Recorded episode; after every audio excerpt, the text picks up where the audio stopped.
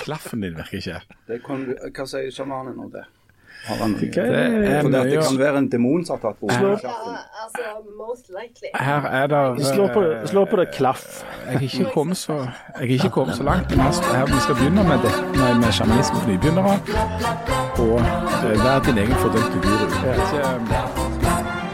Norsk natur forsvinner litt etter litt fordi ingen har den store oversikten. Men kom igjen, er det ikke viktigere med litt hyttekos og litt vindkraft og sånt enn ugler og rein og villaks og sånt? Ellers, dette med vinter er jo et elendig konsept, og vi skal ha vårt første møte med Jan Sjaman Heisekran. Og det blir liveshow!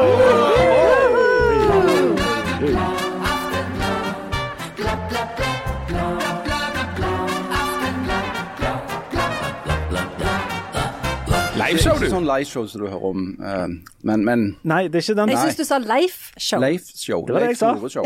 Og så er jo spørsmålet til dere. Er dere interessert i å være med på, på mitt Vi kan show? jo ikke la for, slippe folk, deg løs på folket helt alene. Det kommer an på hvilken dag det er. Ja, hva dag hva Jeg det? har, eh, jeg har booka Stavanger en onsdag 21. februar På, på kveldstid, da. på kveldstid. ja. Da Jeg- må vi bursdag. Har du det? Ja. Da, sle, da kan ikke jeg slippe deg. Eller, okay, da, kan, du, kan vi få med noen andre? Janne, er du ledig? Eh, ja. Ja. Du kan få lov å komme. Takk. Eh, Jan Banan. Jeg tror jeg er òg ledig den kvelden. Februar er jo ellers en måned der det ikke skjer stort, så da er det fint å kunne gjøre noe et eller annet på Jeg kommer kun hvis jeg får lov å ha med mamma. Ja, Det er er greit. Er det altså, da alkohol? jeg. Hæ? Er det alkohol? Det er alkohol, Spørsmålet er om det ikke, ikke er alkohol. Nei, ja, da blir det. Da blir åpen bar, uh, som du, der, så lenge du betaler for det. Så Ikke fri, Han er bare. ikke fri, men han er åpen. åpen, ja. Akkurat det. Nei, nei men Er det altså ellers noe å si om dette? dette Skal vi ha med oss noen? Ja. vi har med oss noen folk? eh, vi må Gi oss et hint hvem det er. Nei, altså for å, få, for å få støtte fra Kulturrådet, så må vi jo ha med noen fra distriktene. Ja, ja, det er Og, det. og jeg solgte jo inn Jan. Det viste seg at han er hva det heter, assimilert. En naturalisert uh, storhaugsbu, og det Ja. ikke Storhaug på Klepp. Nei. Og så viste det seg at Sandnes ikke lenger er distriktene. Ikke Hommersåk engang. Ikke er litt engang. rart. Ja, og selv om du Bhutan er jo iallfall distrikt. Jeg prøvde meg, men nei da. Så vi må lenger ut i distriktene. Så eh, Kjør et stykke sørgjennom ja, fra Jæren der. sørover. Så stopper vi eh, ikke. Kom til enden av veien, og så graver du deg enda litt lenger innover. Og så kjører du snøskvetter et lite stykke, og så tar du beina fatt over et par elver og sånn, og der bor Tønnes. Tønnes. Frank Tønnesen. Tok rett og slett kontakt med Tønnes og spurte om han kunne være med. Selveste. Ja, og satte han i ei lita knipe der, så han torde ikke si nei. Så Tønnes skal være med. Ja. Så det betyr altså at vi skal ha liveshow eh, onsdag 21. februar i Stavanger. Og det er sånn, nå må dere høre godt etter, dette er allerede nå lagt ut for salg. Og det var jo sist sånn at eh, til vår store overraskelse forsvant jo disse billettene enormt fort. Og det var, løpet av noen timer. ja, rett og slett i løpet av noen timer. Eh, og vi har bare denne kvelden. Um, og det er førstemann til mølla. Og sist gang så var det enormt mange som tok kontakt med oss og i etterkant og, sa, og spurte om hvordan de kunne få tak i dette, og det var utsolgt. Men når det er utsolgt, så er det utsolgt. Ja. Det vil si, nå har vi jo lagt ut én, da. Sist endte vi jo med å legge ut to. Ja, Ja. det kan jo for så vidt være en mulighet, men uh, det blir bare denne ene kvelden. Ja, det blir bare denne. Um, Så det gjelder å smi mens jernet er varmt, eller hva det heter. Ja. Ja, og det er jo kjekt å ha noe å glede seg til i februar. ja. I mørketida. Ja. For Jeg tror at er vi kan synge bursdagssangen til mor mi òg nå, da. Men når det er Kommer litt an på det, hvordan vi føler. Kongen har òg bursdag den dagen for øvrig. Jeg vil bare minne om at dette er life-show. Det er ikke noe sånn familien Birkevold eh, eh, altså, forteller om seg og Det er jo sitt-aktig koselig show. eh, for, for mamma hvis alle i Stavanger synger bursdagssangen. Hvor gammel blir uh, mor di? Nei, det, det, hun Litt oppi år, året. 39 igjen. Ja. Uh, ja. Nei, det, det er jo en del år, da. Det er godt mulig det blir bursdagssang. Vi er, 83 ja, tror jeg det blir. vi i, i planleggingskomiteen for Life Show skal ta dette opp. Men det som gjerne sier, det er veldig kjekt å ha noe å gjøre i februar. For dette her er jo ei tid der det er jo ikke så mye. Nei. Men til gjengjeld er det jo veldig mye februar. I år er det jo en hel dag ekstra. Det Ja, er jo så ekstra lang februar, ja. Og så syns jeg, for det, januar er jo greit, for det forventer du jo. Så du vet liksom at du må betale forsikringen, og at du tar enormt lang tid før du får lønn, viser det seg. Eh, og det er enormt mørkt, og det er kjempekaldt, og ja, så men så kommer liksom så, Men du klarer det, for du er liksom Du er forberedt på det, du vet at januar kommer. Men så kommer februar. Og det, Februar er som å slå noen som ligger nede. Ja, det er det. Jeg er den idioten. Jeg hadde jo tenkt, I år har jeg jo ikke, som mange har fått med seg, ikke hvit måned i januar. Så jeg tenkte ja, jeg kan ha den i februar heller, for den er jo noe kortere. Skuddår. Ja. Da la de på en dag. Takk for den. Og så er det, er, Om det er sånn at vi ikke får betalt ekstra for at det er skuddår, eller hvordan er dette her? Det var noen som, ne- At du får ikke lønn for den Nei. At det er en dag som Altså, du får på en måte eh, vanlig sånn månedslønn Ja, har i Norge. Sånn at du, Så du får jobber gratis den, den Ja, jeg har hørt det. 37. februar? Stemmer dette? Jan, du som er i, i fagforeningsrørsla. Ja, dette må være en helt åpenbar svakhet i, i arbeidstidsbestemmelsene og arbeidsmiljøloven, og egentlig til hele tariffområdet. I tariffen? Ja, i hele tariffen. For det er jo at vi gir en dag. Eh, Vi som sitter aller, aller, aller, aller, aller nederst ved bordet, eh, gir en dag til disse krøsusene som sitter på toppen og harver inn på vårt slit. Men vi kvinner er jo vant med å jobbe gratis. Ifra, ifra skuddersdagen ut så jobber jo dere gratis. Er, er skuddersdagen norsk arbeidslivs eh, dagsverk? Det må jo bli det. Jeg tror det er det, altså, rett og slett. Der du går hjem, og så sover du til klokka to, og så må foreldrene betale 500 kroner? Men vi har jo snakket om det, for jeg nå vil jeg bare bringe litt eh, optimisme inn i denne samtalen. Fordi det er jo ti ekstra fridager i år. Hvis Ja, du sammenligner med i fjor. Ti! Ja, fordi at alle de der bevegelige Ja, helligdagene alle de er på golden dager. days. Oh my god! Så det er jo egentlig verdens beste år. Oh, ja. Ja. Mm. Bortsett fra at det blir atomkrig og verdenskrig og Ja, naturen dør og glad, jeg så sånn. du ble glad. Sjeldent lyst optimistisk til deg. Og ja, nå det virket. Nå ble jeg fulgt av en slags, indre lys. Men jeg, jeg, har et spørsmål eh, som tar oss litt mer ned på landjorda igjen, som Ja. egentlig handler om forrige uke. For Dette gikk jeg og tenkte på forrige uke. I- Etter nyttår, sant. Du har, du har fri på nyttårsaften, og så tar du deg gjerne fri en dag. Etterpå, Du har jo fri eller- en dag etterpå. Ja, første nyttårsdag. Ja. Og gjerne òg en ekstra dag. Noen har tar enda en dag fri. sant? For det er planleggingsdag Ja. og alt det der. Og så når du stiller opp, og den dagen du da må opp tidlig og stille på jobb igjen, så, og selv om du føler at du har hatt fri eh, Ja, jeg har hatt godt med fri nå. Så våkner jeg opp, så har hjernen min sier alltid at nå er vi kommet et godt stykke ut i januar. Så jeg får sånn sjokk hvert er år. enig. Er det bare tredje Altså, Det er 28 dager igjen. ja. Og dette, Ja, jeg er enig. Jeg syns januar har vært så lenge. Og det var derfor for i forrige uke tenkte jeg sånn Å ja, jeg takler jo dette med januar kjempegodt. vi har kommet til den fjerde. Godt i Og nå er vi faktisk på den tiende. Og da er det fortsatt over 20 dager igjen av denne måneden. Ja. Men det, ja, ja, det er lett for dere. altså Crimey River, dere stakkars, stakkars, stakkars folk som måtte ha fri i jula. Noen av oss har holdt samfunnet og økonomien gående på tross av svak helse. Så jeg jobbet jo gjennom hele romjula og hadde null dager ekstra fri i forbindelse med noen ting som helst. Sånn at den der følelsen av fri, eh, da må du tilbake til for min del ja, begynnelsen av august. Jobbet hele, det var jo bare tre arbeidsdager i romjula. Det var så mange arbeidsdager du klarte å stappe inn i den uka, og da stilte jeg opp med sviktende helse og ansvar. Men du, du, du, drar lasset, ja, du, jeg noe, Hvis det ikke hadde vært for noen av oss som er flittige, som sitter aller, aller, aller aller nederst med bordet, og nå skal jeg gi en ekstra arbeidsdag Men det du sitter ved den delen av bordet som er liksom så, så er liksom hykka på, altså som er mye lavere, eller med Ja. sånn høy, veldig høyt bord med veldig lave stoler ja, Det er sånn liten babystol helt nederst der du sitter oppi sånne, sånne, sånne rammer rundt så du kommer deg ikke ut, eller sitter du og fekter med de små klumpete armene dine. Smekken din. Jan er egentlig sånn et ekstra bordbein som holder bordet oppe for at de andre skal kunne sitte nederst med det. Men du Jan, for å gjøre det verre, vondt verre, så var det jo sånn at når vinteren her var på sitt verste, så tenkte du hm, er det en måte vi kan gjøre dette enda verre på? Ja, det er det faktisk. Jeg reiste til Oslo jeg, Ja, ikke sant. i helga. Fremdeles med sviktende helse, så kom jeg til Oslo da. og det, Jeg har jo bodd ti år i Oslo, og det er sikkert mye fint å si om, om det og de ti årene.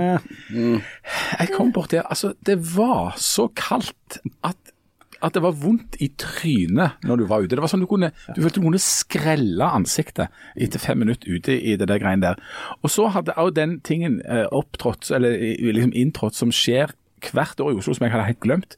Og det er at en eller annen gang ut på høsten der i september eller noe jeg vet ikke når det begynner å snø, men det føles i hvert fall som en eller annen gang da før jul. Jeg tror det er en sånn septembertrakt eller et eller annet. Kanskje oktober. Eh, Så snør det jo da, og det ser jo enormt fint ut på bildet sånn de første tre dagene. Men de neste åtte månedene så er jo denne snøen blitt til klinkis som ligger rundt. Eh, Eller sånn Ja, det er det Grå- slapset. Ja. Ja. Så du går der med et ansikt som, som er i ferd med å bli skrelt, og så vondt inn i bihulene via pannen da, av den enorme smertekulden, og prøver å holde deg, stavre deg rundt og, og holde deg på beina. Og jeg bare gikk rundt og tenkte at hvis jeg klarer å komme gjennom denne helga uten koldbrann, eller at neden eller pilten ramler av Ja, for det vil jeg spørre om. For det, at det sto nemlig det i avisene, at, at, at ballene kunne ramle av. Og da er det jo ganske kaldt. For det er en annen ting som er Når du kommer fra Vestlandet, så kommer du ikke på det med den der snøen eller slapsen. Så Så da tropper du gjerne opp med joggesko. Ja.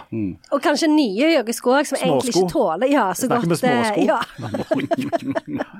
Jeg hadde, jeg hadde funnet fram vinterskoene jeg kjøpte når jeg bodde i Oslo, men som jo knapt er brukt etterpå. For du tenkte litt framover. Så jeg tenkte framover. Ja. Jeg tenkte jeg skulle være føre var-prinsippet. Eh, men de var så nedslitne, eh, og så viser det seg at mot klinkis så er det jo ingenting som hjelper. Brodder. Brodder. Ja, brodder, ja, men hjelper meg, jeg er jo ikke 90 år da.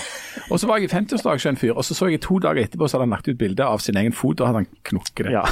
på Volker. Men når du var på, i, på dette Østlandet, var det sånn at da gikk du over med, med sånn fare for liv og helse over noe sånn Oslo S eller noe så plutselig så kommer Aslak Sira Myhre gående på et par sånne felleski, og så skal han opp til dette som jeg ikke forstår hva er, Marka. Om det er et, er det et fylke, eller er, men, Marka er en sånn en slags skogsholt som de har. Er det natur de kaller det? Ja, der som det er natur? natur er vel å trekke langt. Det er noen trær Ja. som står ved siden av hverandre. ja. men, men der opp skal de for, for å, å gå på dette med ski. Ja. Ja. De skal iallfall ikke bygge hus der. Nei. Det er hellig. Så det er mye bare for enormt høye priser nede i De Oslo-gryta. bygger jo hus og hytter helt andre steder Ja, enn enn i Marka. Og vi skal inn på det, men det er bare litt om det der skigreiene. For dette har vi diskutert før, uh, meg og deg, Jan. Nemlig at når, det, når vi er ekstra uheldige på vårt altså her i, på våre trakter, at det blir snø og sånn, så er det en slags forventning om at, vi skal, at ungene våre skal også være utlært på dette med ski. At vi skal drive og gå på ski og kjøre opp til sånn Hundadalen eller Tonsdal en eller annen plass. Der er det jo alltid snø, Leif Tore. ja, men vi er jo ikke der. Nei, nei, altså, men det er jo når det kommer snøen kommer til oss, det er da driten skjer. Ja, men det er en forventning om at, vi, at unger ja. fremdeles skal bli sånn Bjørn Dæhlie-aktige. Ja, men altså, det, og dette er jo da eh, altså Jeg har jo tidligere vel eh, avslørt at, at jeg tror at min aller fremste drivkraft i livet, både i arbeidslivet og på alle andre områder, stort sett er dårlig samvittighet. ja. At jeg gjør ikke noe for det jeg egentlig har spesielt lyst, men det er dårlig samvittighet og pliktfølelse. det det er med. Og der blir, oppstår det et jækla problem hver gang eh, det oppstår sånne tilløp til vinter, og at det er noe slags snø eller et eller annet sånt som dette er. For da eh, kommer plutselig de tindrende eh, søte eh, barna og, og, og sa denne gangen til mitt store sånn sjokk og vantro Ja, når det blir vinterfest, kan ikke vi reise på ski da? Hæ? Ja. Ja. ja, Det er nettopp svikt i oppdragelsen. ja, og så er det det. Eh, I oppdragelsen da, så er det, ligger det noen sånne forventninger, og jeg sliter med det litt selv, og jeg er jo gift meg som ah, at jeg ser på meg liksom, at hvorfor har vi ikke lært det opp til å gå mer i sånn skog og mark og på ski og, og renne og ja, alt det greiene der. At det ligger i, det er kanskje bare oss med enormt dårlig samvittighet dette ligger i, men en følelse av at vi skal ha vært rundt omkring med sånn termos og pøl, eller pølse i termosen, jeg vet ikke hvorfor folk gjør det, eh, og at eh, en skal ha lært seg å renne eh, både telemark og snowboard og, og gått sånn fiskebein eller spor, eller jeg vet ikke På. Hovden og Rauland og. Tonstad og sånn. Og vi har prøvd noen få ganger, eller noen ganger da, fordi at altså den, altså Sannheten er jo grunnen til at våre unger ikke har vært med på disse tingene, er jo fordi vi ikke holder på med det. Fordi Ja. vi, vi liker det åpenbart ikke godt nok til at vi gidder å gjøre det. Eh, og da kunne vi jo egentlig bare dytta det videre til ungene med god samvittighet, men vi klarer ikke det.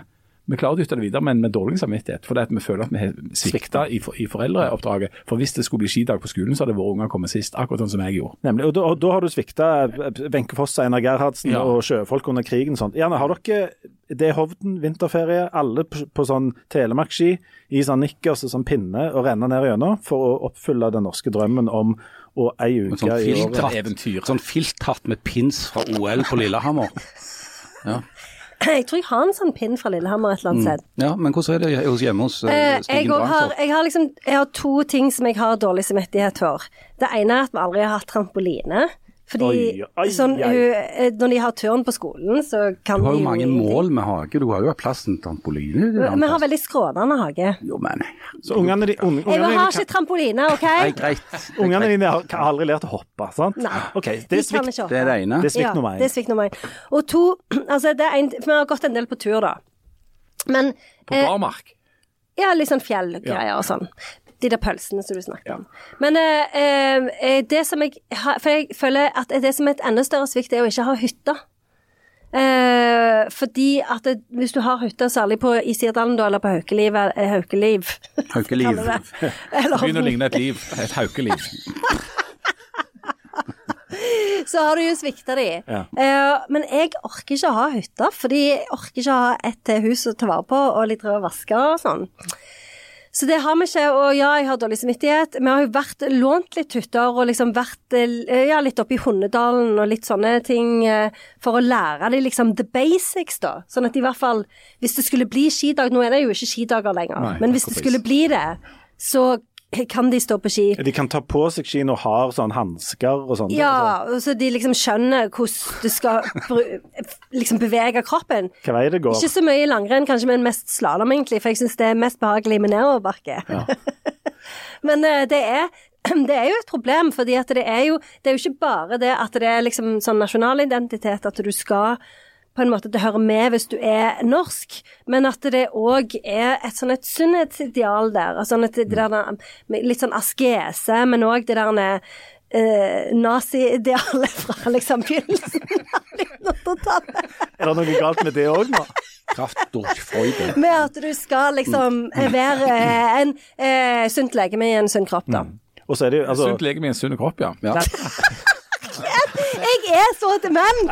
What is wrong with me? Nei, men det Altså det var, jo en av de, det var en av de plassene der nazistene faktisk tok feil. Det var jo det med sunn, sunn kropp i et sunt legeme. Det har du jo fått mye kritikk for. ikke? Harald, du er, du- er jo naturens mann. Du har jo ei hytte som sikkert, der du må ta på deg sånne felleski og, og en sånn bjørnefell, og liksom har piska ungene dine innover på sånn nazirekke innover Ja. for å sprenge tungtvannsstasjoner og sånn. Jo da, men vi, vi, vi har sånn reenactment av tungtvannsaksjonen hver, hvert år faktisk i, i familien. Det selges jo mye billetter til det, mann må, må trå til. Og, og jeg jeg er han Haukelesæter, og ja, det, det, ble, det er Jeg voldsomt. tror dette heter Haukeliv. Haukelivsæter var det, ja. Nei, altså jeg er jo vokst opp med dette, altså det er jo litt rart å høre på dere. For det at hjemme, hos oss så var det jo sånn at eh, det, det var ikke egentlig noe snakk om det engang. Det var jo bare noe vi gjorde. Ja, men nå Altså, snakker du om barndommen din. Ja, vi sant? snakker ikke om Og så har jo jeg på en måte tatt dette videre da med mine stakkars unger. Så de er jo alle sammen fullt i stand til å ta på seg ski og, og Det gå på de og sånn. Uh, men det er, det, det er jo ikke sånn alpinbakke. alpin. Jeg, har, jeg tror jeg har vært i en alpinbakke to ganger i mitt liv, men jeg har gått forferdelig mye på ski bortover. Eh, Så, så det er jo en litt annen type. Det er jo ikke oppkjørte løyper og sånn der oppe. Det, av og til er jeg jo litt misunnelig på de som har sånn preppemaskiner. Så det ser liksom så det ser jo så lettvint ut når disse østlendingene går i den der såkalte marka. For da har det jo vært bataljoner av folk i, i, i forveien ikke sant? og kjørt opp løyper og merka det, det ene med det andre. Eh, det finnes jo ikke snugg av det der som jeg beveger meg mest. Men det er mer sånn kamp mot, mot naturen når du kamp. går på ski. Og så er det jo sånn at For meg så er det å gå på ski ikke så forferdelig lystbetont. Det er mer sånn, hvis du skal, det er jo bare utrolig upraktisk å ikke ha ski når det er snø. Sant? Hvis du skal fra A til B, så er det mye bedre å ha ski på enn å ikke ha ski på. Så det, det er jo mer sånn at jeg gjør det bare fordi at eh, det er sånn du må gjøre hvis du skal bevege deg om vinteren. Unger, det er meldt stiv kuling i Hundadalen. Vi skal på ski! Og så er det nei, nei, ikke slåss. Nei, nei, nei, ikke sånn. Nei. Men, men, men dermed så lever jo du da opp til noe av det der litt sånn adelige. For dette, dette er jo blitt, er jo blitt en sånn, sånn, nærmest sånn klassemarkør da, i Norge. I denne berømmelige marka så er det jo sånn da For, for dette, du går da i noen sånne landskap som er litt lenger unna. Du, det, det er ikke det letteste landskapet du går i. Det er ikke der det er ferdig lagt opp og sånt. Men det er jo derfor det hytta er der. Ja, det er fordi hytta er der, sant? men da har jo du på en måte da hytta på en altså, altså Der er det sånn mytologisk over det som passer godt inn og bærer en i hyttefelt-terminologien. Og så er det jo sånn da, Oppe i marka er det jo en egen sosiologi der òg, da. For der oppe møtes jo de som jobber i politikk og næringsliv. Og, de, og jo lenger vekk ifra der som T-banestasjonen er, for det er Aslak Sira Myhre, de, eh, de tar altså T-banen opp til Ja, han kjører en eller svær han- firehjulstrekk. Ja, ja. ja men, men, men, men folk kan enten kjøre opp eller, eller ta T-banen opp. Og så er det da, eh, og Der går de jo i, i flokk og følge i noen voldsomt fancy sånne klær, disse greiene. Men, men når de da kommer forbi et eller annet punkt, eller Mylla, eller eller mylla, eller et sånt sånt, eller sånt der, så hilser de på hverandre med en helt annen respekt ja, og innforståtthet. For da er du forbi det der eh, som bermen på en Mm. måte holder seg i. Men der oppe ser du mye av den sosioøkonomiske eliten i Oslo. De, de treffer du på i marka. Men Men sånn er det jo når jeg jogger på Trones. Er det jo sånn, Når jeg har kommet liksom forbi Damedojoen og sånn, da sier jeg jo hei til folk, men før det så gjør jeg jo ikke det. For da er vi jo i nabolaget. Men, men, men du, eh, Leif Tore, mener jeg, og husker jeg fra vår samtale, du har jo svikta som meg eh, i dette oppdraget, men du gjør det med lett hjerte og ingen samvittighet. Ja, jeg, jeg gjør jo det, men, men eh, jeg har jo stilt mine egne unger i den kinkige situasjonen at når dette vinter oppstår, og, og folk har hytter og sånt, og, og ungene skal Ja, nå skal vi på Nå kan vi reise på hytta til til, til Katarina, og, og der skal vi stå på ski i fire dager til ende. Så står jo mine unger der i sånn offside og vet på en måte ikke om de skal ha snowboard på hendene eller beina, eller og har Altså, vi har jo Jeg tror de har stillongs, ungene våre, men de, de har jo ikke sånn Gore-Tex-hansker som er delt i tre istedenfor fem. Johaug-hanskene. Ja, og, og, og sånne ting. Altså, vi, vi er ikke satt opp med, med sånne ting. Så da må vi ut liksom på det åpne markedet og spørre sånn, er det noen som har ei hue og sånn. Som jeg, jeg, har jo, jeg har jo stilt ungene mine med De starter jo med noe mm, noe tillegg da, på, på sånne ting. Og de, sånn, eh, Skidag på skolen har jo vært sånn Nå er jo det i ferd med å gå litt ut, men det har jo vært sånn mareritt. Prøve å få influensa til skidagen. Og, da, og nå er det da viktig å bringe inn eh, Statistisk sentralbyrå, for jeg føler det har vært altfor lite statistikk. SSB. SSB. Ja, ja, Fordi stemmer myten, stemmer bildet av at alle nordmenn reiser til fjells absolutt hele tida? Skal vi tippe? Jeg tipper på ja. Jeg tipper, jeg Ja, tipper, jeg jeg tipper at tipper på ja. 92% reiser på fjell hele Kanskje enda mer jeg hvis det nærmer seg påske. 95. Da er det mer 102. Ja. ja, jeg mener, Nå er jeg spent på svaret, Ja, jeg. ja, ja. Jeg mener å huske at i de siste, for det har vært noe sånn statistikk på dette her på de siste påskene f.eks. For, eksempel. for i påsken så vil vi bli presentert for dette bildet. Da vil vi ha eh, lange TV-sendinger med spesialer der Dagsrevyen har reist opp til et eller annet og er liksom sånn base i et eller annet fjell en eller annen plass, der det ser ut som om absolutt alle er til stede. Og så er det altså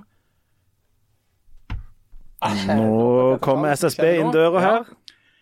85% av den norske befolkningen er hjemme i påsken. Eller i Berlin. Og av de 15 Eller hos Stavros. av de 15 prosenter som reiser på påskeferie, så er det omtrent like mange som drar til kysten som til fjells. Det betyr at 7,5 prosent av Norges befolkning er på fjellet i påsken. Mens hvis du ser dekningen og, og, og tenker på vårt mentale bilde av det, der vi sitter, fodlig dårlig samvittighet. For det at de ikke smører med Og de der 7,5 Swix eller sånt. prosentene spiser noe helt vanvittig mye Kvikk Lunsj. Det er det de gjør. Ja, det gjør de. Og så sitter, og så sitter jo folk i, i stor grad, i praksis da, hjemme, og så ser de på sånne bilder av av sånne skipåske, og så tenker de åh, vi må altså komme i gang. Unger, Ja, For de kjenner de blir stressa. Det er det de gjør. Og så skal de jo egentlig slappe av og prøve å ta seg litt inn igjen etter både januar og februar.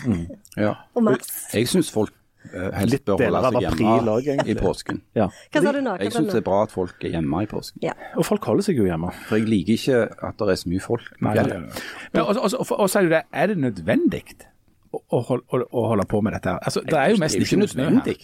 Nei, det er ikke nødvendig. Eh, Så, så vi kan bare gjøre noe som er hvis, du, hvis det både er unødvendig og du ikke syns det er noe spesielt kjekt. Så kan du jo bare drite i det. Ja.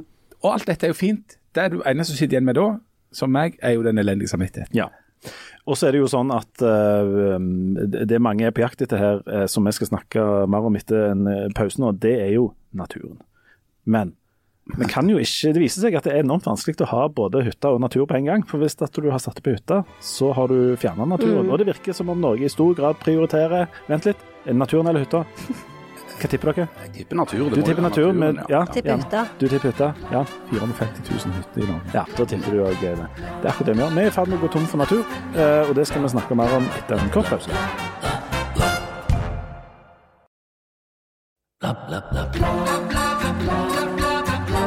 Hjertelig velkommen tilbake. Nå skal vi snart gå løs på naturen. Vi skal bare ta med en liten ting først. og Det er at vi ba eh, folk som hadde gode spådommer for 2024 å sende oss eh, e-poster. Ja. ja. Og det er det mange som har gjort. Eh, bare en liten tilbakemelding til sånn generell tilbakemelding. Eh, og det er at mange av disse spådommene kunne vi nok lest opp, men det ville tatt si fire og en halv time. da. Fordi folk skriver lange og ganske interessante bøker om dette. Men vi har ikke kapasitet til det, så vi må ta noen korte. Så vi tar en ifra eh, Dere må snakke i Geir. overskrifter, folkens. Hei, Geir. Geir, og han er, tror jeg, er faktisk ansatt spåmann i Hjelmeland kommune, så vidt jeg vet. Oi. Han En skriver slags ja, Ja, en sjaman, sjaman der. Ja. Litt grann, kanskje, ja. Han skriver hei og godt nyttår til alle fire. Så kommer spådommen fra 2024. Pga. årevis eh, realneds, reallønnsnedgang forlanger denne fru Stigen Drangsholt 2000 lønnsøkning for å være med i podden. Sa jeg det? Nei, Nei, det er han som spår Ja, det. skal jeg gjøre det? Kan jeg, kan jeg, kan Nei, det er jeg bare det? Du kan jo spådom. Ja, har jeg fått det Du kan jo allerede? Nei, den du kan jo alltid forlange det, gjerne. Og Så får vi se. ja, det er første spådommen. Du kommer til å kreve 2000% lønnsøkning. Dette blir ufattelig nok innvilga, men medfører at Aftenbladet må flytte podden over til Podme. Over natten forsvinner 60% av lytterne, altså 127 stykk. Ja, det var, det var ufint. Det var stygg. Ja. Men, Men, videre konsekvens, Aftenbladet legger ned podden i en brennevinsfart, og Stigen Drangsholt er enda kjappere med å melde overgang til NRK. Da er tida inne for politisk redaktør Birkevold å be om AFP og trekke seg tilbake til synkeholdet for å lage sin egen pod. Surpodden. Sammen med den fallerte lydmannen Lindøy Fallert. lager han Surpodden. Uten at noen får dette med seg. Og denne salfyren fra Bryne overtar jobben hans som polemisk redaktør, men får kun halve apanasjen. Og Benny overtar som vikingtrener. Oh, det hadde vært kjekt. Takk for meg. Ja, Mye bra der. ja, ja mye bra. for jeg hadde tenkt litt på om jeg skulle be om sånn eh, lønns... 2000%. Ja, jeg hadde ikke tenkt så mye prosent ennå. Men, eh, Men 2000 hadde slått det høres jo ikke dumt ut med 2000 prosent. Det er ikke, jeg synes det er lønn det. også? Ja. Jeg noterer meg det bak øyet. Ja, kan noen bringe det videre Er det HR? Men, ja, vi må ta de linjer til HM. Ja. HM eller HM. Ja. Det er en som heter Håvard. Han jobbet i hvert fall her før. Men kan ta Ja. det Nei, jeg, jeg, har tro på dette, Geir. Jeg syns òg det var veldig fint at med en gang Men litt synd at det går så dundas med podkasten, da. Det er litt interessant at med en gang noen foreslår at Harald skal starte en pod, så sier han Surpodden, og så er det selvfølgelig det de har foreslått. Det er et eller annet, det er et eller annet. Men Egentlig så er det litt Det fristende faktisk å lage den podden før noen andre gjør det. Ja, og det er et bra navn på en pod òg. Ja, Surpodden, ja. For så vidt er det jo den vi lager hver uke. Ja, Ja, Ja, på en måte. ja, ja. Uansett. Du, nå, Kanskje hvis ja. vi kaller det Surpodden, så kan vi alle gå over til Podme Men vi må komme videre her nå. sponsa Herlighet. Nei, Det er jo en sånn. vi, får se om vi kan bli sure her. Denne uka her så har jo det skjedd at folk har eh, egentlig slutta å snakke om klima, og alle, nå snakker alle bare om natur. Som jeg lenge trodde var to sider av samme sak. Jeg trodde jo at dette med miljø og klima og natur hang sammen. Det Nei, de viser er seg som hund og katt. Ja, de gjør ikke. Mange har sett uh, denne NRK-saken der de har dokumentert hvor mye natur som forsvinner i Norge. Altså en, hva var det, en fotballbane til dagen, var det ikke det? De, av natur som forsvinner. Som 79 kvadratmeter i minuttet. Ja. Døgnet rundt. Ehm, og, og, og siden 1900 har altså de villmarkspregede naturområdene blitt redusert til ca. halvparten av landarealet i Norge. Nå er vi nede på eh, 11,5% Vi var det i 2018. Og med, med denne farten så er vi snart nede på 5,3% osv. osv. Hvis vi snakker om Rogaland isolert, så er det bare noen bitte, bitte, bitte små flekker av eh, det som kan defineres som villmark igjen. Nesten ingenting. Hva er det? Hva er det? Skal vi ikke si det, for da går de og bygger hytter Nei, altså, det, altså Villmark er jo på en måte definert som et område som ligger så og så langt fra nærmeste inngrep. Vei, kraftlinje, hytte, whatever. Eh, og for å finne sånne områder, så må du jo opp på noen fjelltopper i indre Ryfylke. Eh, det er noen veldig, veldig små områder. På, på den strengeste definisjonen av det som heter urørt villmark, eh, leste jeg meg opp på, så skal du være fem kilometer fra sånn menneskelige reisverk eller byggverk. Og da finnes det et par plasser i Finnmark, to, to plasser i, i Telemark eller noe sånt, og en sånn knaus en eller annen plass. Og det, og det er det som er. Og så er det jo Det som er rart med dette, det er jo at um, um, når vi ser ut mange plasser der vi er, så ser det ut som det er kolossalt med både skog og blomster og hekk og alt mulig. Ja, ja.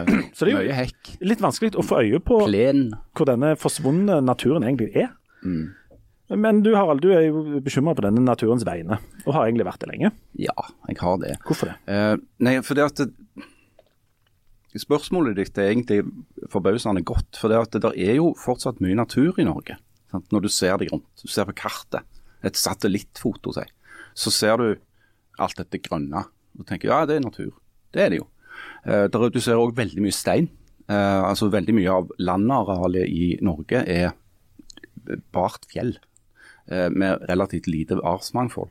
Sånn at de stedene der du finner veldig mye liv, det er de stedene hvor det er en kombinasjon av mange forhold. Der er en skog som er artsrike, der er passelig klima, der er tilgang på vann. Der er ikke for mye vann, der er ikke for lite. Eh, og når disse områdene får være i fred, så utvikler det seg store økosystemer med mye komplekse eh, biologi. da. Eh, og dessverre så er det jo sånn at det er de områdene som ofte er under press. Bare tenk på når, når, når folk begynte å bo i Norge. De bosatte seg jo selvfølgelig på de stedene hvor det var best landbruksjord. For det var det, var det de levde av. Etter hvert så byer og tettsteder er stud, så betyr det at vi har allerede bygd ned mesteparten av den aller beste landbruksjorda i dette landet. For den ligger nå unna en by, f.eks. Stavanger. Eh, Når olja ble funnet på slutten av 60-tallet, så bygde Stavanger ut noe av den beste matjorda som eksisterte i Norge, ute på, på Sunde og Revheim. Eh, Med åpne øyne, fordi det var viktigere med de arbeidsplassene i olja. Det, det er jo en ærlig diskusjon, det. Det kan være det var det. Eh, Men stadig vekk så tar vi sånne små grep. Altså, og det, det, som skjer, det er at disse vedtakene blir jo i hovedsak fatta i kommunene. Eh, for Nå er det tror jeg 347, 50, et eller annet sånt kommuner i Norge etter den siste runden med sammenslåinger. Og alle de kommunene sitter jo og holder på med planer om næringsutvikling, nye hytteområder, et nytt næringsområde, en ny skole som skal bygges. Mange av disse formålene er gode formål. Men de innebærer òg veldig ofte at du må ofre eh, natur. Eh, og Det som NRK da gjorde i forrige uke, det var jo å sette sammen ved hjelp av kunstig intelligens en haug med bilder, satellittbilder, hvor du kan se utviklingen over tid. Og Du kan se hvor mye som forsvinner. Det er veldig vanskelig, og det bekrefter jo òg eh, representanter for regjeringen, at det er veldig vanskelig for staten å ha total oversikt av alt som skjer. Alle disse forskjellige prosjektene var det 44 000 forskjellige inngrep, vedtak, som var fatta i alle disse forskjellige kommunene. Eh, og Når du legger det sammen, så får du sånne ganske skremmende tall. Da, disse 79 kvadratmeterne i minuttet som forsvinner. Fortsatt er det mye natur igjen i Norge, men den naturen som er igjen, er ofte den som er minst artsrik. da. Det er den som har minst eh, naturverdi. F.eks. Eh, nakent høyfjellsområde. Det har ikke spesielt stort biologisk mangfold. Et, skogs, et lite skogholt i, i, i Telemark kan ha tusenvis av arter. Hvis det forsvinner, så er de vekke. I, i den uh, NRK-serien som dette her delvis er henta fra, som heter 'Oppsynsmann', der Bård Tufte Johansen reiser rundt og ser på sånne prosjekter uh, der det går gale, og noen der det går litt bedre. I Norge som er interessante, uh, der er han bl.a. å besøke et område i, i Skien der har det vært en svær skog, og så har Google kjøpt opp uh, tomtene, for de vurderer å bygge et, sånt datasenter der. Mm. Og Skien har veldig behov for uh, arbeidsplasser og industri, og sikkert noen skatteinntekter. Alt, alt, dette her. Ja, ja, ja. Um, og Isolert sett så høres jo det for så vidt ikke så gale ut. Og så er jo et av de problemene de diskuterer her at um, det er ikke så Altså, om, om, de tar noen mål med skog i Skien, så er det ikke noe problem. Problemet er at dette skjer overalt, og at alle unntak er. Men der òg er det en ordfører som sier at ja, mitt ansvar er jo å styre her i Skien. Og jeg må jo gjøre det beste for de som har valgt meg. Mm. Um, og da ryker den skogen. Og dette er jo det som skjer i alle norske kommuner. Mm. Og dermed oppi, Dette er noen ekte politiske dilemmaer. Noen, altså noen ekte dilemmaer som viser at det er ikke så enkelt. Fordi det er to uh, for så vidt gode hensikter, minst, som står imot hverandre og som ikke går opp. Um, og som òg er representert i den regjeringa som sitter og styrer nå, både internt i Arbeiderpartiet og ikke minst i mellom Arbeiderpartiet og Senterpartiet. For, for, alternativet til at en bygde ut ting rundt omkring, eh, om det er hytte eller om det er vindmølle eller om det er uh, batterifabrikk, det er jo at en ikke gjør det, og at det da ikke blir skapt arbeidsplasser. Det blir ikke skapt uh, hytteliv. Det blir ikke skapt kraft og energi som vi trenger nå. Um, og så er det hvem er det som skal bestemme det, og hvem er det som skal ha overordnet ansvar for det. Senterpartiet er veldig opptatt av lokalt selvstyre, altså at de som er nærmest på uh, den plassen der noe skal skje, skal ha siste ord eller ha hovedordet i hva som skal avgjøres. Dermed, der, dermed, vil jo Senterpartiet kjempe knallhardt for det er at det, det kommunale selvstyret. Og det vil en jo her lokalt som allerede er skeptiske til Oslo, har kjempa ganske hardt for at det er ikke Oslo som skal fortelle oss om vi skal kunne bygge et skur i en skog. Um, Arbeiderpartiet er jo i utgangspunktet et parti som springer ut av arbeiderbevegelsen, og som har vært veldig opptatt av arbeidsplasser, og som er veldig tett knytta til LO, f.eks. Um, det ville være selvmord for Arbeiderpartiet å gå ut og si at nei, nå skal vi slutte med å bygge ut ting som kan gi arbeidsplasser rundt omkring i hele landet. Det går heller ikke. Nei. Samtidig så sitter de ansvarlige for både denne her naturen, men ikke, og ikke minst eh, klima og noen, noen, noen hårete mål der, som jo heller ikke går opp. Fordi de må da bygge noen vindmøller, de må skape den kraft, eller de må legge noen, noen eh, elver i vann, altså ødelegge natur, gjøre inngrep for å skaffe den energien vi trenger for å få ting til grunn. Og Norge er jo basert altså på noen inngrep i virkelig store i naturen, så er olje og gass. Eh, som jo gjør at vi er knallrike og får dette til rundt, men som på lang sikt ikke nødvendigvis er så bra for klimaet i verden. Mm. Og så slår jo Senterpartiet seg selv på kjeften òg, for de har jo funnet ut at når det gjelder akkurat det med jordvern, så har jo til og med Senterpartiet skjønt at eh, kommunene fikser ikke dette på egen hånd. Så akkurat når det gjelder jordvern, så er Senterpartiet for statlig overstyring av kommunene. Eh, men da ikke f.eks. når det gjelder hytter og sånt. Og jeg må også si det at jeg skjønner at for mange kommuner så er dette reelle dilemmaer. Som du påpeker. Det er snakk om behov for arbeidsplasser. Mange distriktskommuner som sliter med forgubbing og fraflytting, ser f.eks. på det med hyttenæringen. Altså den næringsvirksomheten som er tilknytta det å ha hytter, som en redningsplanke noe som kan skaffe noen arbeidsplasser og som kan skape litt framtidstro i, i, den bygda eller i den kommunen. Problemet er når kommunene begynner å konkurrere med hverandre, sånn som vi ser eksempler på f.eks. på Jæren, hvor du har ennå tre kommuner som har hver sin plan for næringsutvikling, som lager hvert sitt industriområde, fordi at de ønsker å få de til Klepp og ikke til Time, og til Time og ikke til Hå. Og, og sånn holder de på. Eh, og Du kan jo fort tenke deg at det, hadde, kun, kun, det kunne ha vært en bedre idé å ha hatt en felles plan for hvor vi legger hva. Sånn at vi f.eks. unngår at vi plasserer arealkrevende virksomhet på matjord. Men disse kommunene sa nei til å bli slått sammen, som ville være en måte å samordne dette på. og den samme regjeringa er altså i gang med et prosjekt med å splitte opp kommuner og fylker som har blitt slått sammen, ja. fordi at en skal kunne se ting mer i sammenheng. Ja. Og så er jo Et av problemene som, eh, som mange, greip, Et av de problemene som mange har pekt på her, er jo at det er jo ikke bare det at folk kan, bestemme, altså folk kan bestemme på lokalt plan, men det fører òg til at det er ingen som har oversikt over den store, lange utviklingen. Mm. Og En av de som er ganske sånn åpenbare, eh, og som nok flere og flere blir oppmerksomme på i Norge, handler jo om hyttebygging. Ja. Som, og, og skal, i Norge skal du ikke kødde med hytta til folk. Altså, du kan da gjøre mye.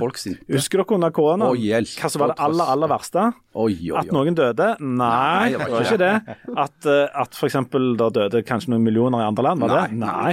Var det det at det gikk tom for gjær? Nei. Nei. Var det det at det, folk ikke fikk lov å overnatte på hytta? Ja, ja, det, var, akkurat det, det var akkurat det det var. Så denne norske hyttedrømmen er, står så enormt sterkt. Og nå, bare for å klarere glasshuset, eh, det er tre hytter her inne.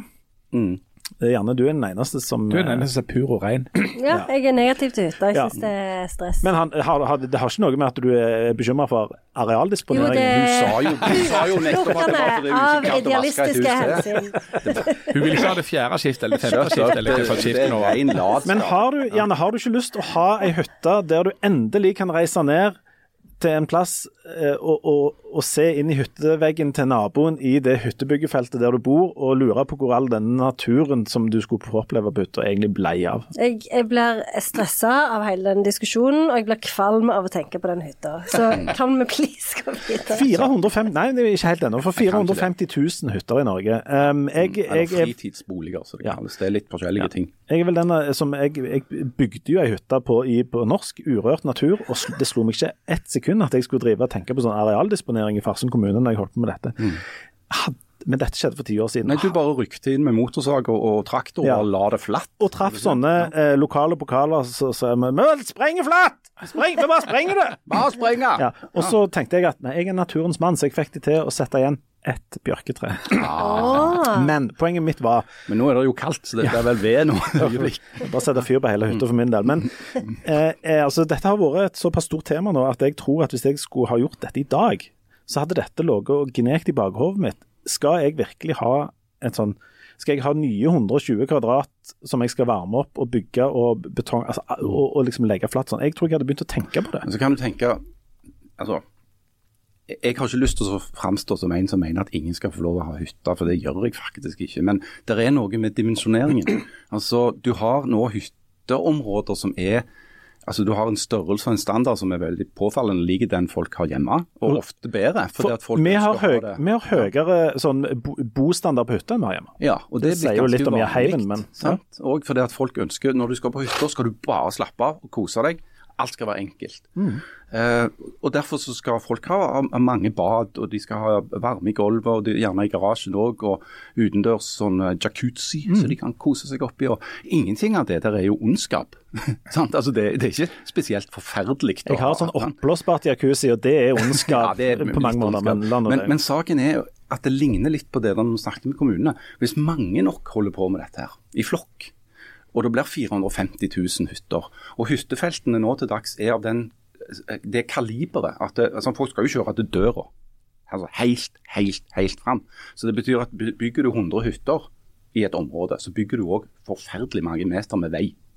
Eh, Tilknytta det så er det vann- og kloakkløsninger, det er servicebygg, det er gjerne tilknytta et alpinanlegg med de inngrepene det innebærer, oss og videre.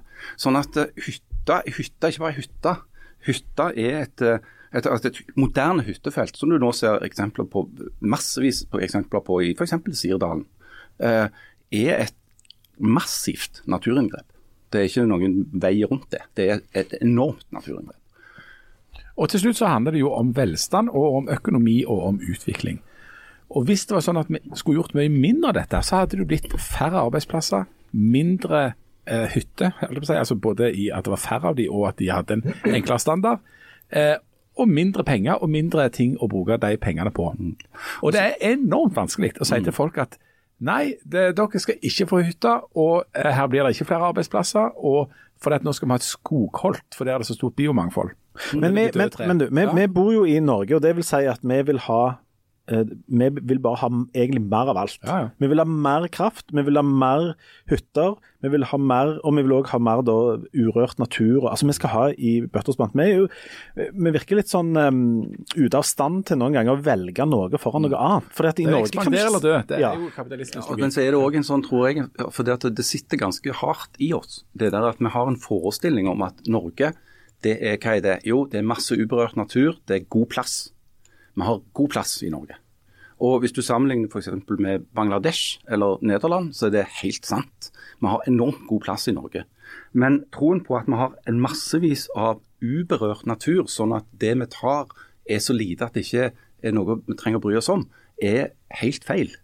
Vi har egentlig vi har veldig mye av naturtyper som er veldig like. Altså Stein er stein, og granskog er granskog. Eh, men det er den mest artsrike, de mest artsrike områdene, de mest sårbare områdene, det er ofte de som kommer under press, dessverre. Og Dette er jo helt usynlig for folk, sant? for folk ser jo ikke verdien av ei myr. Eh, det, altså, eller artsmangfold. Mm. Og nå I går så åpna jo altså Stortinget for å prøve å finne ut av om det kan finnes mineraler på havbunnen på 6000 meters dyp oppe i nord en plass, mm. for potensielt å drive med gruvedrift. Noe som alt fra EU til Miljødirektoratet har gått imot. Men igjen, det er fordi at vi trenger mineraler, og fordi vi trenger arbeidsplasser. Vi trenger et eller annet å stå på eh, når eh, olja en dag skal ta slutt.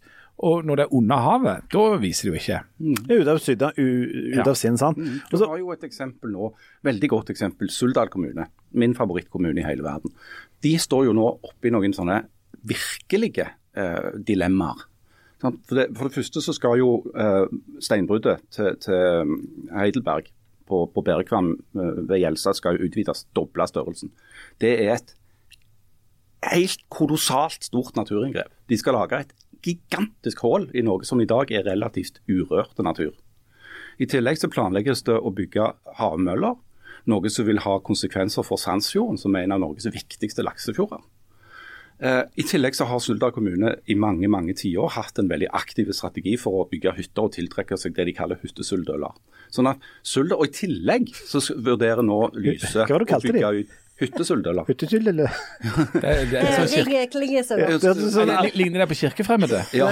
Men i tillegg så skal en sånn bitte liten Astrid Lindgren-figur. Så skal Lyse investere milliarder av kroner i å oppgradere vannkraft. Sånn at alt det der eh, er jo problemer som denne lille kommunen med snaut 4000 innbyggere skal ta stilling til. Mm. Og Grunnen til at de må ta stilling til dette, og grunnen til at de holder på med dette, er jo fordi Suldal og resten av Ryfylke sliter jo med fraflytting. At det blir stadig færre fulltids-suldøler og mm. fritids-suldøler og noen ting som helst suldøler. Så hvis de ikke finner på noe, så kommer det ikke til å bu suldøler der lenger. Helt riktig. Og hvis de ikke bygger ut denne krafta og setter opp disse tingene, så har vi ikke noe å, lade mobiltelefon eller til med Teslaen. Det blir ringt. Kan jeg komme med et litterært eksempel? Ja, det kan du. Ja, fordi at eh, eh i England, eh, i Yorkshire så skal de jo eh, eh, bygge vindmøller i området mellom Howarth, der så Bronte-familien bodde, og Hebden Bridge, der så Ted Hughes bodde. Er det mulig? Ja, og det er jo et veldig eh, turskjært område. Mm. Det skal de gjøre. Turskjært. Turskjært. Det er et sted hvor mange liker å gå tur. Altså, ja, sånn hyttesuldalinger, for eksempel. Eh, og, eh, og Eh, Ted Hughes har jo eh, skrevet mange av disse stedene i diktene sine. Og så skal du få disse her vindmøllene. Men problemet er jo at de vindmøllene kommer til å produsere strøm for 254 000 mennesker og i England har de jo en ganske prekær cost of living eh, crisis akkurat nå. Så det er vanskelig. Det er samme dilemmaet der, da. Ja, Ikke sant? men da kan du jo ikke gå opp til der så folk tror eh, ruinene til Wuthering Men om jeg kan er, slutte å stå si vindmøller og si vindturbiner, for det vindmøller høres så koselig ut. Ja, OK, hvis det er et poeng, så er det greit for meg. Men, er sånn men, nå, men nå, jeg mener at nå har vi kommet til et punkt der, som, som viser på en måte mange, altså, altså viser det kompliserte i å komme fram til konvensjonelle løsninger på helt omtrent umulige problem. Og hva hva skal vi gjøre da? Jo, da syns jeg vi skal venne oss til det som potensielt kan bli et nytt segment i Aftenbladet. Hva er denne lyden? Det er selvsagt ei tromme. Det er ei sjamantromme. Jeg har jo fått sjaman Durek sin uh, 'Sjamanens reise til jul', og jeg har begynt å lese. Og jeg tenker at som et forbrukerprogram så skal vi nå foreta en reise gjennom Aftenbladet inn i sjamanismen og se om sjamanismen kan hjelpe oss. Kan jeg bare si at eh, Leif Tore begynte på rytmen til La Isla Bonita, men, men nå har han liksom kommet meg inn i det sjamanistiske Jo, men. Madonna er jo litt litt sånn der alternativ, er ikke det? Det er, men nå, kan dere holde kjeften? Ja. Men, men kan det, vi må jo på en måte gi Kan du holde kjeften? Jo, men må, dette må jo ha et navn. Ja. Og velkommen, hjertelig velkommen til Jan Sjaman Heisekran. Med undertittelen 'You Lift Me Up'. Sånn parentese. for da jeg var liten og, og, og ungene skulle liksom finne på et eller annet etter meg, for så sa de Jan Banan Heisekran. Mm. Som man gjør. Ja, som man gjør. Jeg ble ikke så jeg overlevde det. Bare et spørsmål. Hvor lenge fortsetter Nei, Du kan avslutte når vi har, vi har introdusert segmentet nå. Eh, Men jeg tenkte at Jan Sjaman og så Heisekran, for det, der er det litt sånn opp, opp You lift me Ja, up with a heisekran. men nå har vi jo snakket om ubalansen på kloden og i verden. Det er jo ikke noe tilfeldig. Det er noe som, eh, som Durek er innom i boka si, og som heter mørkleggingen. Og for de som er usikre på hva mørkleggingen faktisk betyr, så er det altså en ord, eh, ordbok, så det er eh, definisjon av ting. Og mørklegging det er altså en periode slash en magnetisk energifrekvens som kaster lys over menneskehetens kompakthet, sånn at vi kan se den og ta ansvar for den og forvandle den, sånn at vi kan erkjenne det høyeste potensialet for kjærlighetsbevissthet på jorda. Sweet fancy Moses. Sweet fancy det skjønte jeg ingenting av. Nei, og, da, og, er ja. og det er vi er nybegynnere innenfor dette med sjamanismen akkurat nå.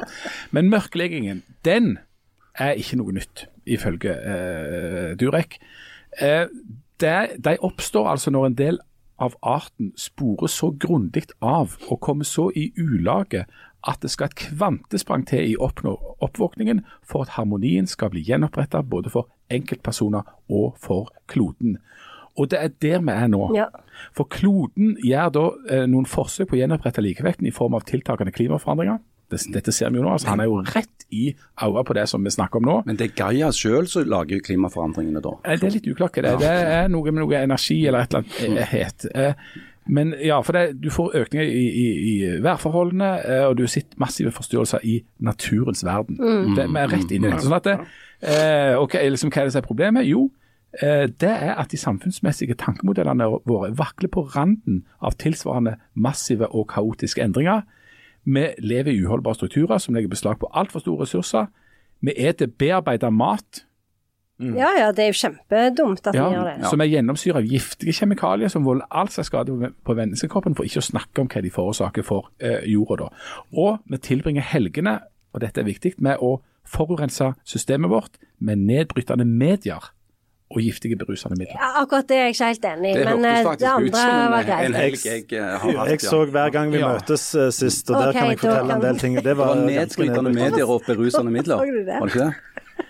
Men det som da må, må skje her, da, så vidt jeg forstår, og det er her vi trenger litt sånn hjelp, og vi trenger at vi kan bruke denne spalten der. Ja, ja, vi må forstå at Ja. alt det vi opplever i vår virkelighet her og nå, er en manifestering av de energiene vi holder fast med i vårt indre. Ja, så du, du må du må egentlig altså du må endre deg sjøl.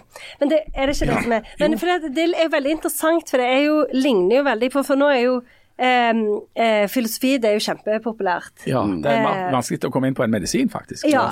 Eh, og dette snakket jo vi om i fjor, når vi snakket om den eh, New Yorker-artikkelen. Ja, ja, ja, ja. eh, For dette, det var jo en av de Du hører tingene de pekte på. her. Ja, fordi at der skrev de òg at i USA så var det en trend at humaniora var på vei ut, men filosofi var det eneste som ble stående fordi alle økonomene ville studere filosofi. Og blant unge menn så er det jo veldig populært med sånn stoisisme akkurat nå. Ja. Eh, og stoisismen ligner jo litt på det som sjamanen uh, Durek Det eh, snakker om, at du kan, du kan ikke endre verden, men du kan endre liksom hvordan du sjøl forholder deg til verden. Mm. Selv om jeg vet ikke om han Er det handling han vil vi skal gjøre, eller er det revolusjon han, han Du må jo ta et sånt kurs eller- som han har. Ja. Ja, men det er jo dette kurset vi holder på med her. Ja, Ja, ja, ja, dette er jo bare første. jeg forsto ikke skal jeg, er det noe, skal jeg gjøre noe? Er det Ja, noe tiltak her? Det, jeg, det, var, det hørtes ut som han beskrev ei helg der du har stekt pølser og sitt hver gang vi møtes. Og, og det, så langt er jeg med. Gud forby Maskorama. Det, ja, men det handler altså eh, Det handler jo Altså, sjamanismen eh, handler jo om å få en slags sånn innsikt da, som kan endre på ting, og, og på en annen måte enn det materielle. da, sant? Jeg lurer på om du, hvis du hadde lest fra den boka med, med stemmen til han emissæren Men vil han at alle skal bli sjaman? Altså, sjaman Jeg òg har jo ei bok, med ei bok. Ja, sammen, ja, ja. Er det ei konkurrerende bok? Ja. Det er sykt med sånne gule lapper. Ja, for denne har jeg lest veldig mange ganger, og det er Ted Hughes si bok. Winterpollen.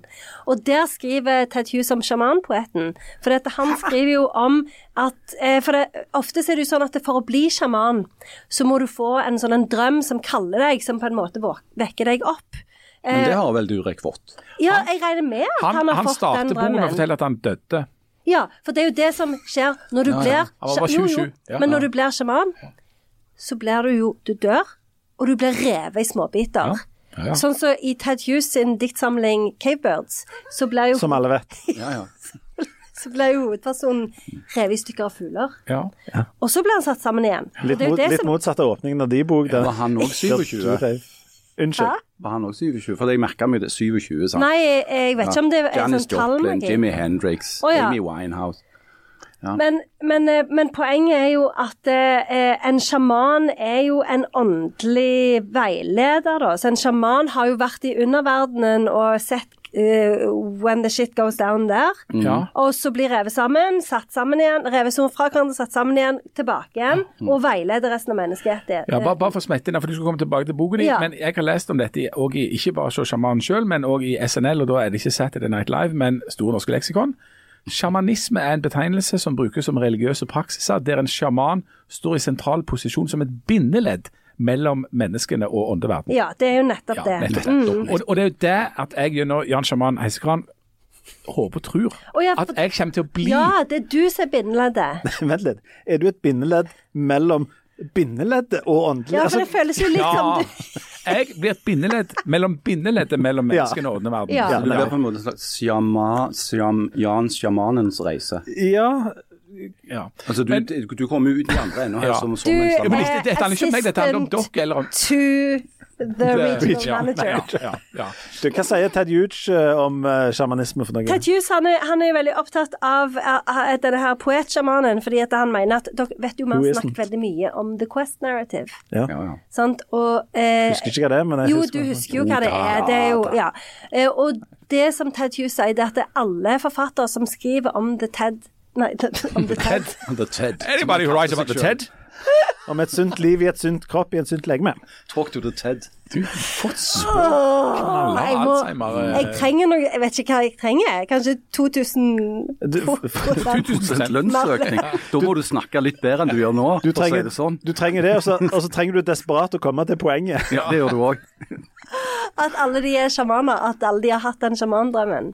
Hvem de? Han sier at det, grunnen til at The Quest Narrative fins i litteraturen, er For det er jo det som er den sjamanistiske reisen. Så det kommer jo fra en sånn en hellig kilde, da. Eh, og så sier han at det er mange forfattere som har skrevet, særlig dikt, da, som er, eh, tyder på at de har gjennomgått denne sjamanistiske reisen. F.eks. Shakespeare og hans dikt 'Venus og Adonis'. Eh, W.B. Yates, T.S. Eliot, alle de hadde gjennomgått den sjamanistiske reisen. Så det er jo ikke bare Men jeg vet ikke, de Altså, de, Ted Hughes mener jo at, det for at du at den sjamanistiske reisen og alt det der uttrykkes best gjennom litteratur, men jeg skjønner jo at det, Shaman Durek kaster seg mer på noe litt sånn sakprosaaktig. Går det an å ja. Kan, vi spørre, Jan? Du, for du har lest en del i denne boka på ekte, Jeg har begynt. Ja. Ja, det er det vi skal kjempe oss gjennom nå. Uh, men, uh, og vi skal, vi skal snart avslutte denne spalten for denne gangen, for dette er bare en slags intro. altså. Dette er sjamanisme for nybegynnere.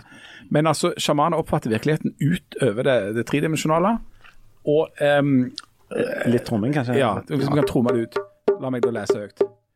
Det er dermed ikke sagt at alt har evnen i seg til komplekse og kognitive utvekslinger. La oss ikke gli over i det latterlige. Jeg kommer aldri til å føre en dyp samtale med Shakespeare eller om kvantemekanikk med et tre. Men trærne står rake, de har dype røtter, og de har på sitt vis mye visdom å formidle. Oi, oi, oi, oi. oi. Kan du lese det siste Benny? ny? La oss ikke gli over i det latterlige. Jeg kommer aldri til å føre en dyp samtale om Shakespeare eller om kvantemekanikk med et tre, men trærne står rake. De har dype røtter, og de har på sitt vis mye visdom å formidle.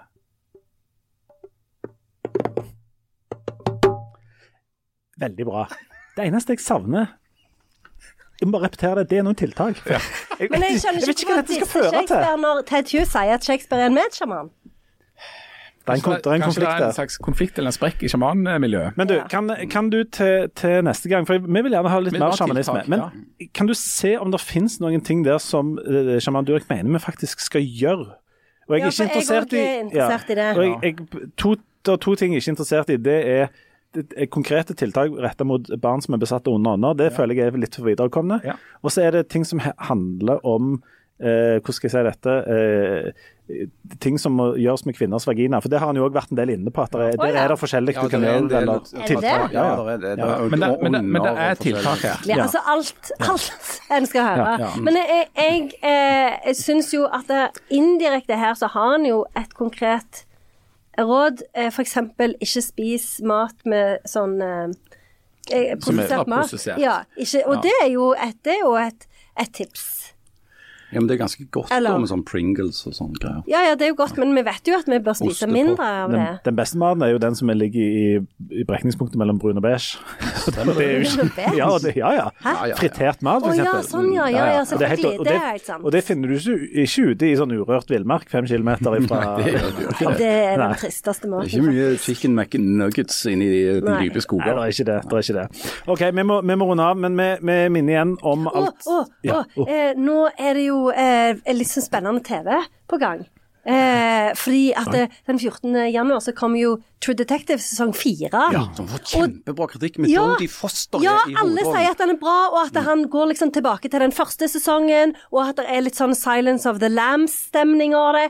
Jeg gleder meg så sykt mye at det er nesten sånn at det er verdt med hele januar. Så den har, må vi jo snakke om i neste episode. Ja, det må, det må vi gjøre. Det må vi gjøre. Og med på anbefalingene. Jeg har aldri så ut som du brant, brant Ja, ja, ja, for jeg kom på at jeg hadde Altså, i forrige episode, tror jeg det var Tror det var i forrige episode, så jazza vi jo med og greier om dette med å tulle med at uh, dette skjøre politiske flertallet i Stavanger. Husker dere det? Ja, Og, og- ja, og mm. Ine Hav hadde vært og delt ut en klem til han eh, Tor Bernhard i Fremskrittspartiet. og Tenk hvis han hadde skifta parti. Uh, og så tulla vi med at da må Kari komme tilbake, og sånn, sånn. Så fikk jeg en sånn fra en av de vet du, de alvorlige menneskene. Ja, du vet at eh, kommuneloven eh, slår fast at en ordfører er valgt for fire år. og Det er ikke bare å? Det, er jo helt, det var jo bare tull.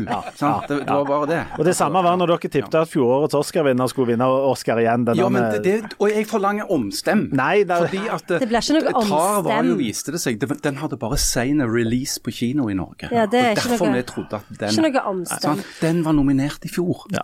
Og når vi snakker om kino, så har jeg vært og sett en film i dag, så er en anbefaling eh, den merkeligste og sannsynligvis en av de beste filmene som kommer i år, men som formelt sett ble lagd i fjor. Poor Things med Emma Stone og Willem Defoe. Hun er helt Holy galen. Det er klin kokos og så merkelig så det går an å bli. For jeg likte ikke så godt den der The Favourite. Men er det ja, For det er jo han samme regissøren. Nei, du har ikke sett den, så det kan du ikke vite. Nei, men okay. jeg har sett den som var før The Lobster. Den, ja, den, helt, den er jo ganske bra. den ser helt ellevill ut, den filmen. Ja. Og jeg eh, vil anbefale faktisk liveshow. Liveshow, ja. Live- Ja, Show, Live Show i, i Stavanger den 21. februar. 21. februar. Og nå er Da jeg må vi bursdag. eh, ja, selvfølgelig. Tror du det går an at vi kan synge bursdagssangen til Har vi begynt denne podkasten på ny, eller hva? Det er er liksom? Groundhog Day. Du, hør nå her. Eh, 21. Og, og det er jo sånn at det er en fordel å være Aftenblad-abonnent, for da får du det billigere. Ja, Ja, det. Ja. Og bare mens, mens vi Altså, det, det, eh, disse billettene ble altså tilgjengeliggjort for salg mens vi satt her på eh, stavanger.no. og la, la meg si det sånn, eh, der er, der, der begynner å bli eh, forskjellige farger på de der prikkene på setene. Så, sånn at folk må liksom eh, være om seg her hvis de skal få og Jeg gjør ikke dette for at vi har noe voldsomt behov for å selge billettene. Nei, men det er jo kjekt for oss å selge billetter. Og så er det så synd for de som eh, lå på været veldig sist. sist. Ja, Så altså, hvis du sist tenkte å fader, jeg skulle kjøpt billetter, da så gjør det nå, da. Ja, jeg tror kanskje det blir kjempesur nå? Nei. De der som pleier å høre podkasten på vei til hytta på fredagen. Ja. hele. Ja. Ja, sånn hytte og sånt, da har vi jo gått gjennom dette problemet med. Men men kan jo bare si, vi kan vi bare si til de folka som ikke har hørt denne episoden ennå, at denne må dere høre tidlig. Ja. Mm, ja. Vi kan legge det ut på Instagram. Instagram. Ja, vi legger det ut på Instagram. Eh, og Der skal vi selvfølgelig legge ut uh, lenker til dette og sånt. Uh, så altså sett av onsdag 21. februar, så håper vi at vi ser dere der. Kan bli alle tiders. Det blir det jo det. Det blir jo alle tiders. Tønes kommer jo all slags. Det blir Ja. gøy, det. Jeg skal finne på noe. Det blir Kan han synge, waldorfsalat. kan han synge den Han kan. lillefutterallet? Klart han kan, han hvis så han husker teksten. Det kan han synge. Ikke mer enn Rolls. Ja, vi får se. Neida, eh, det blir alle tiders. Nå må vi faktisk gi oss. Nå skal vi ut og bygge klassehytte i Ja, Guds jeg skal jo natur. opp på HR. Og du skal på HR, og Jeg Ja. skal, jeg skal flathogge et skogholt Ja. eh, i nærheten av huset mitt. ja, Jan skal holde et bord, sånn at de som sitter helt nederst, i alle fall har et bord.